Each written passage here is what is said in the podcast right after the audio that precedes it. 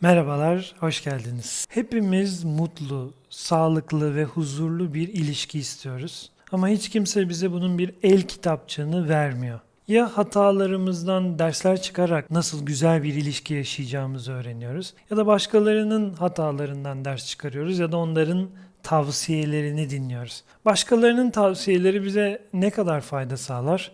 Akıllıysak gerçekten çok yararlanabiliriz. En azından onları alıp kendimize uyarlayabiliriz. Çünkü bu hayatta bütün hataları yapabilecek kadar zamanımız yok. Hani bir söz var ya atasözü başkalarından ibret al ki başkalarına ibret olmayasın diye. İşte biz de kendimiz zaten hata yapacağız. O kaçınılmaz bir şey. Ama başkalarının hatalarından da faydalanmak, onların tavsiyelerinden ders almak en azından çok fazla düşmeden yola devam etmemizi sağlayacak. Şimdi bu videoda size en çok yapılan iki hatadan bahsedeceğim ve bunları nasıl fark ederiz ve nasıl değiştirebiliriz onu göreceğiz.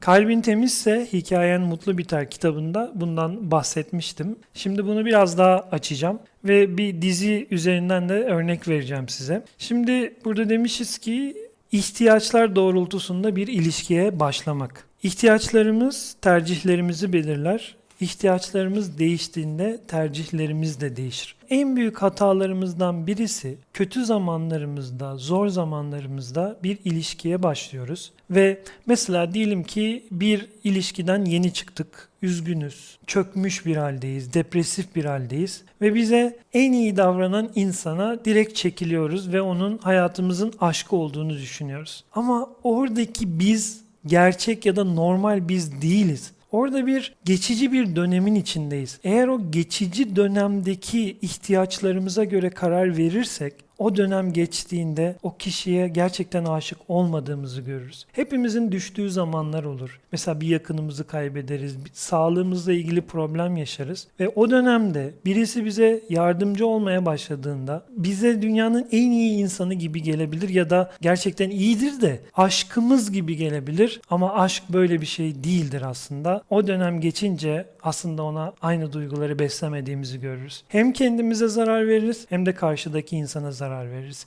Bu şuna benzer. Çok aç bir halde bir süpermarkete girdiğinizi düşünün. İhtiyacınız olmayan şeyleri de almaya başlarsınız. Çünkü o an açsınız ve her şeyi yiyebilecekmişsiniz gibi gelir size. Ama sonra doyduğunuzda anlarsınız ki aslında aldığınız o birçok ürüne ihtiyacınız yok. İşte ilişkilerde de çoğu ihtiyaç böyle başlıyor. Biz gerçekten onu istediğimizi zannediyoruz ama bir süre sonra onu aslında istemediğimizi görüyoruz. Ya da bir erkek var çok dağınık, hayatı karmaşık. Sonra bir kızla tanışıyor. O kız da bakıyor ki erkek darmadağın bir hayat yaşıyor. Onun evini topluyor, ütüsünü yapıyor, yemeğini yapıyor. Bu tabii ki erkeğin hoşuna gidiyor. Erkek onu sevdiğini, ona aşık olduğunu düşünüyor. Çünkü hayatı tamamen toparlanmış bir şekilde. Kadın da toplumun ona yüklediği bazı yanlış görüşlerden dolayı, yanlış inanışlardan dolayı eğer erkeğin evini toplarsam, ona anne gibi bakarsam o da bana hep aşık olacak gibi bir güdüyle bunu yapıyor olabilir. Herkes böyle yapıyor demiyorum ama toplumda böyle bir güdülenme var. Sonra ne oluyor? İki taraf da yanlış yönergeler doğrultusunda bir araya geliyor. Şimdi diyelim ki bu erkek bir süre sonra daha düzenli bir hayata geçti. Daha zengin oldu. Artık kendi evinin düzenini kurabilmek için başkalarını çalıştırabilir. Bir görevli alabilir mesela evine. Şimdi ne olacak peki? O kadına ihtiyacı kalmadığını hissedecek bir süre sonra. Ve o zaman anlayacak ki aslında ben onu değil, onun karakterini değil, onun bana yardım etmesini sevmişim. Ne olacak o zaman? İlişki bitecek. Aynı şekilde kadın da erkeği sürekli toparlamaya çalışacak, onu güçlendirmeye çalışacak. Hatta belki onun için o kadar çaba sarf edecek ki onu zengin edecek. Sonra bir bakacak bütün bunları yaptığı erkek elinden kaymış gitmiş. Bakın bir başkasının yapabileceklerini onun için yapmak ona yardım etmek değildir. Ona gerçekten yardım etmek istiyorsanız onu kendi yapması konusunda motive etmeniz gerekiyor. Tamam kişiler bunu seçebilirler. Bakın e, seçme konusunu demiyorum ama bunu zorunluluk olarak görmek ilişkileri bitirecek en büyük hatalardır. Bir de gerçekten karşı tarafa bir şeyi istediğin için mi yapıyorsun yoksa toplum onu yapman gerektiğini söylediği için mi yapıyorsun? Bunu fark etmeden sağlıklı bir ilişki yürütemezsin. Şimdi Netflix'te yeni bir dizi yayınlandı. Bridgerton'lar diye. Doğru telaffuz ettim mi bilmiyorum. Dizinin ben de tamamını izlemedim ama bir iki bölümünü izlediğinizde toplumsal algıların işte kadın böyle davranmalı, erkek böyle davranmalı. Erkek bir kadın onu seçmek istiyorsa güçlü olmalı, iyi bir arabaya binmeli, iyi bir geliri olmalı, iyi bir saat takmalı, herkes ona saygı duymalı. Toplumsal kodlarının aslında nasıl yüzyıllarca bilinçaltımıza empoze edildiğini görüyor. Aynı şekilde kadınlara da empoze edilen artık yaşın geldi evlenmelisin, işte güçlü bir koca bulmalısın, kadınlar bu tip işlerle uğraşmazlar, kadınlar sadece şu tip işlerle uğraşırlar gibi algıların nasıl yüzyıllardır kadınların bilinçaltlarına, erkeklerin bilinçaltlarına geldiğini görüyorsun. Mesela e, düşünün 1800'lerin başında İngiltere'de hem de aristokrat sınıfta yani soylu sınıfta neden bunu örnek olarak veriyorum? Çünkü toplumlar hep bir üsttekini taklit ederler. Mesela bugün bile dünyanın en iyi çanta üreticisi bir model çıkardığında daha alttaki markalar, daha lüks olmayan markalar onları taklit etmeye başlarlar. Çünkü bilirler ki trend bu şekilde ilerleyecek. Aynı şekilde de yüzyıllarca insanlık da daha soylu aileleri, işte saraya yakın ailelerin taklit etmeye başlamışlar. Şimdi bakıyorsunuz 1800'lerin başında görece gelişmiş olarak gördüğümüz İngiltere'nin aristokrat ailelerindeki kızların tek amacı evlenmek ve evlenmek üzerine yetiştiriliyorlar. Ve bugün bizim toplumumuzda da hala görülen senin evlenme yaşın gelmedi mi? Kadınlar bu tip işlerle uğraşmaz sözlerinin hepsinin nasıl oralardan bu ülkeye de bu toplumlara da sirayet ettiğini görüyorsunuz. Bakın kadın ne yapıyor? Doğduktan sonra tamamen belli bir yaşa geldiğinde evlendirilmek üzere yetiştiriliyor. Mesela güzel sanatlar öğreniyor, sesini geliştiriyor, piyano çalmayı öğreniyor ama kitap okumayı yasaklıyorlar. Diyorlar ki sen evlenecek bir kızsın. Kitap okumakla ne işin var? Senin bütün amacın evliliğe hazırlanmak olmalı.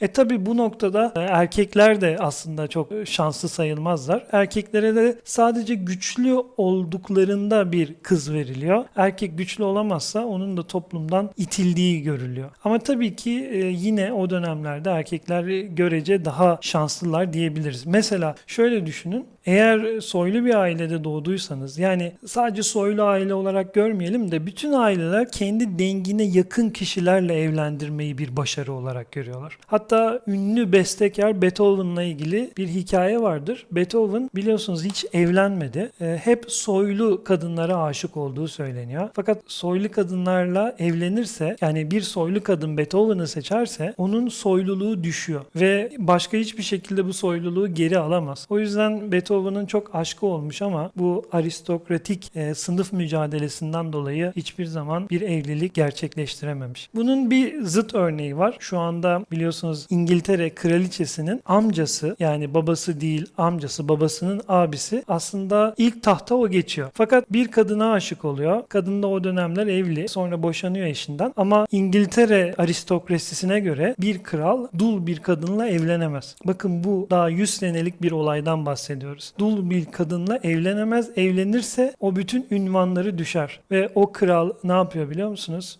Krallıktan vazgeçiyor ve gidiyor gerçekten o kadınla evleniyor. Yine ona belli bir konum veriyorlar ama kadına yine vermiyorlar. Sonra bugünkü kraliçenin babası kral oluyor. Aşkı için tahtından vazgeçen kral. O tarih sayfalarında bu sıfatla yer alıyor. İngiltere Kralı 8. Edward aşkı ve tahtı arasında seçim yapmak zorunda kaldı. O tercihini aşktan yana kullandı. Tahtını bırakarak Amerikalı sevgilisi Wallis Simpson'la evlendi. Ki Simpson iki kez evlenip boşanmış bir isimdi. Bu o dönem İngiliz toplumu ve kilisenin kabul edebileceği bir durum değildi. Boşanmış bir kadınla ilişkisinin ortaya çıkmasıyla 41 yaşındaki genç kral kendini tepkilerin odağında buldu. Başbakan Stanley Baldwin kralı istifayla tehdit etti. Buckingham Sarayı'nın önü protesto gösterilerine sahne oldu. Yoğun baskılar karşısında seçime zorlanan kral aşkını tercih etti. Radyodan tüm dünyaya seslenerek sevdiğim kadının desteği olmadan ağır yükümlülüklerimi yerine getirmem mümkün değil diyerek tahtından feragat etti.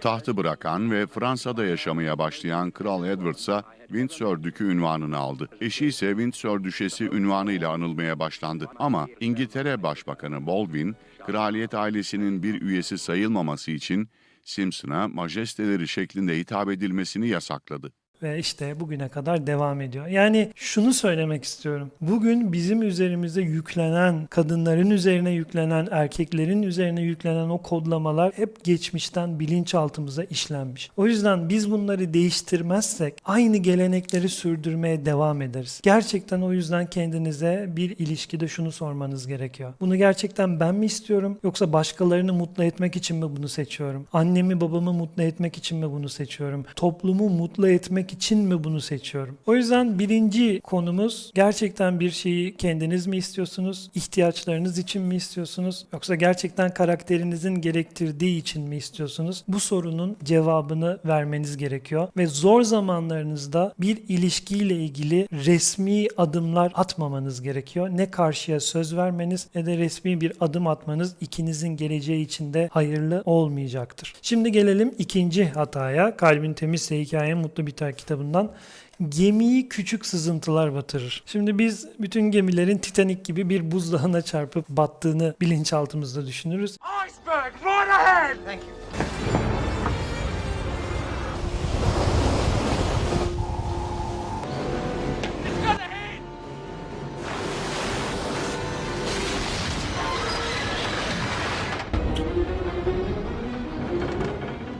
Ama aslında bir gemiyi batıran çoğunlukla o görmezden gelinen o küçük sızıntılardır. Görmezden gelinen o küçük hatalardır. Onları bir şekilde görmezden geliriz, yokmuş gibi davranırız ama sonra bize çok büyük problemler çıkarırlar. Bakalım nasıl bir cümleyle giriş yapmışım. İlişkinin içinde maruz kaldığın ya da gözlemlediğin küçük hataları küçümseme. Sevgilinin ani ve öfkeli çıkışları, başkalarına karşı küçümseyici konuşmaları, sözüne sadık olmaması, sözlerini tutmaması, çabuk küsmeleri, yalana yatkınlığı, saygısızlığı bunların hiçbiri görmezden gelinecek detaylar değil. Küçük ipuçları yaklaşmakta olan fırtınanın habercileridir. Uyanık olmakta fayda var. Bakın bir insanın size şiddet uygulama potansiyelini onun size aşağılayıcı kelimelerinden anlayabilirsiniz. Siz ona müsamaha gösterdikçe o gittikçe büyüyecektir, büyüyecektir ve bir gün hiç ummadığınız bir şekilde karşınıza çıkacaktır. O yüzden büyük olayların başınıza gelmesini beklemeyin. Onlar küçükken onları çözmeye bakın. Onlar küçükken onlarla mücadele etmeye bakın. Ancak küçükken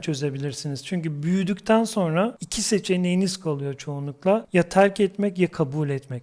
Ama küçükken onlarla savaşabilirsiniz. Her ne kadar bir ilişkide olsanız da ona canım ciğerim deseniz de siz iki ayrı bireysiniz. Bir elmanın iki yarısı değilsiniz. İki ayrı elmasınız. Bunu unutmayın. Bir ilişkide sınırlarınızı koymayı bilmelisiniz. Çünkü sınırlarınıza sahip çıkamadığınızda sinirlerinize sahip çıkmak zorunda kalacaksınız. İkinci konuyla ilgili peki gerçekten nasıl tanıyabilirim karşımdakini? Öyle söylüyorsunuz da nasıl tanıyabilirim karşımdaki insanı? Bununla ilgili bir bilgenin sözlerini paylaşmıştım kitabımda. Lütfen siz de karşınızdaki insanın bu detaylarına dikkat edin. Bir insanı nasıl tanıyacağınızı biliyor musunuz? Ne okuduğuna bakın, ne seyrettiğine bakın, duvarlarına ne astığına, raflarına ne koyduğuna, nasıl konuştuğuna, nasıl dinlediğine bakın.